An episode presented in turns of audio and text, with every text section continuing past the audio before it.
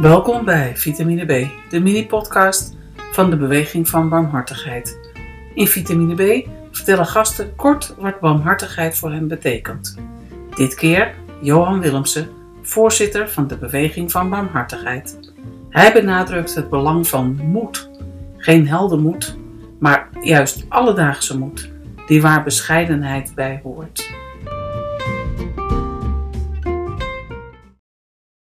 Onlangs hoorde ik op de radio een uh, jonge vrouw vertellen over uh, de ingewikkelde en problematische relatie die ze met haar moeder heeft of had.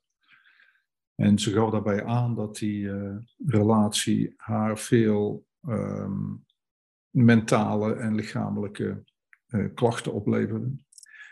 En ze, ze leefde in het besef dat ze dat eigenlijk aan moest pakken.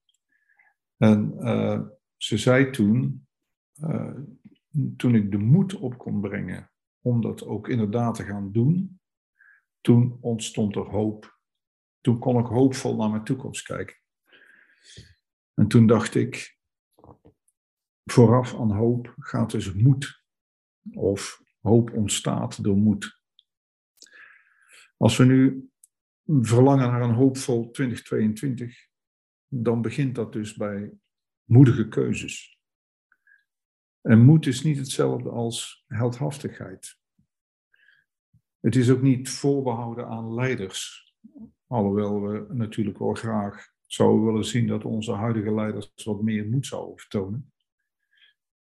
En bij moed denk ik ook niet aan de grote schreeuwers van deze tijd.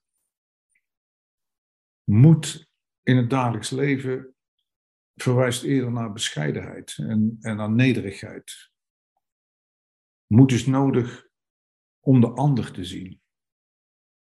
Om de ander te horen in plaats van jezelf. En in plaats van jezelf ook op de voorgrond te plaatsen. Het vraagt om, uh, om zelfreflectie, om kritisch naar jezelf te kijken. Om te reflecteren op al je uitgangspunten en normen en waarden en op je vooroordelen.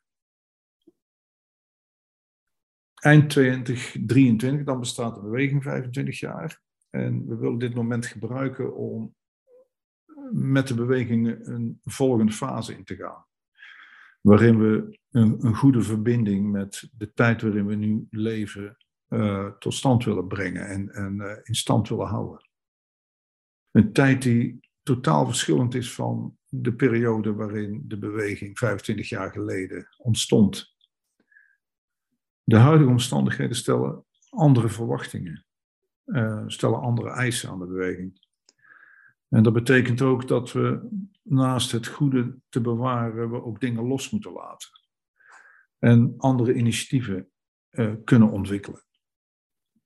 En daar, daarin wordt van ons uh, moed gevraagd. In 2022 hebben we, nee, in 2021, dus het afgelopen jaar, hebben we de vrije ruimte ingericht. En die willen we nu open gaan stellen ook voor een, een bredere groep belangstellenden, ook uit andere organisaties. En de vrije ruimte is bij uitstek de plek waarin we met elkaar kunnen bespreken welke moed er de komende tijd wordt gevraagd van ons. En op welke wijze we hierin ook of op welke wijze we hieraan ook hoop kunnen ontlenen. Namens de beweging van bemachtigheid wens ik jou en je dierbaren een hoopgevend 2022. Dat was Johan Willemsen en vitamine B over wat barmhartigheid is.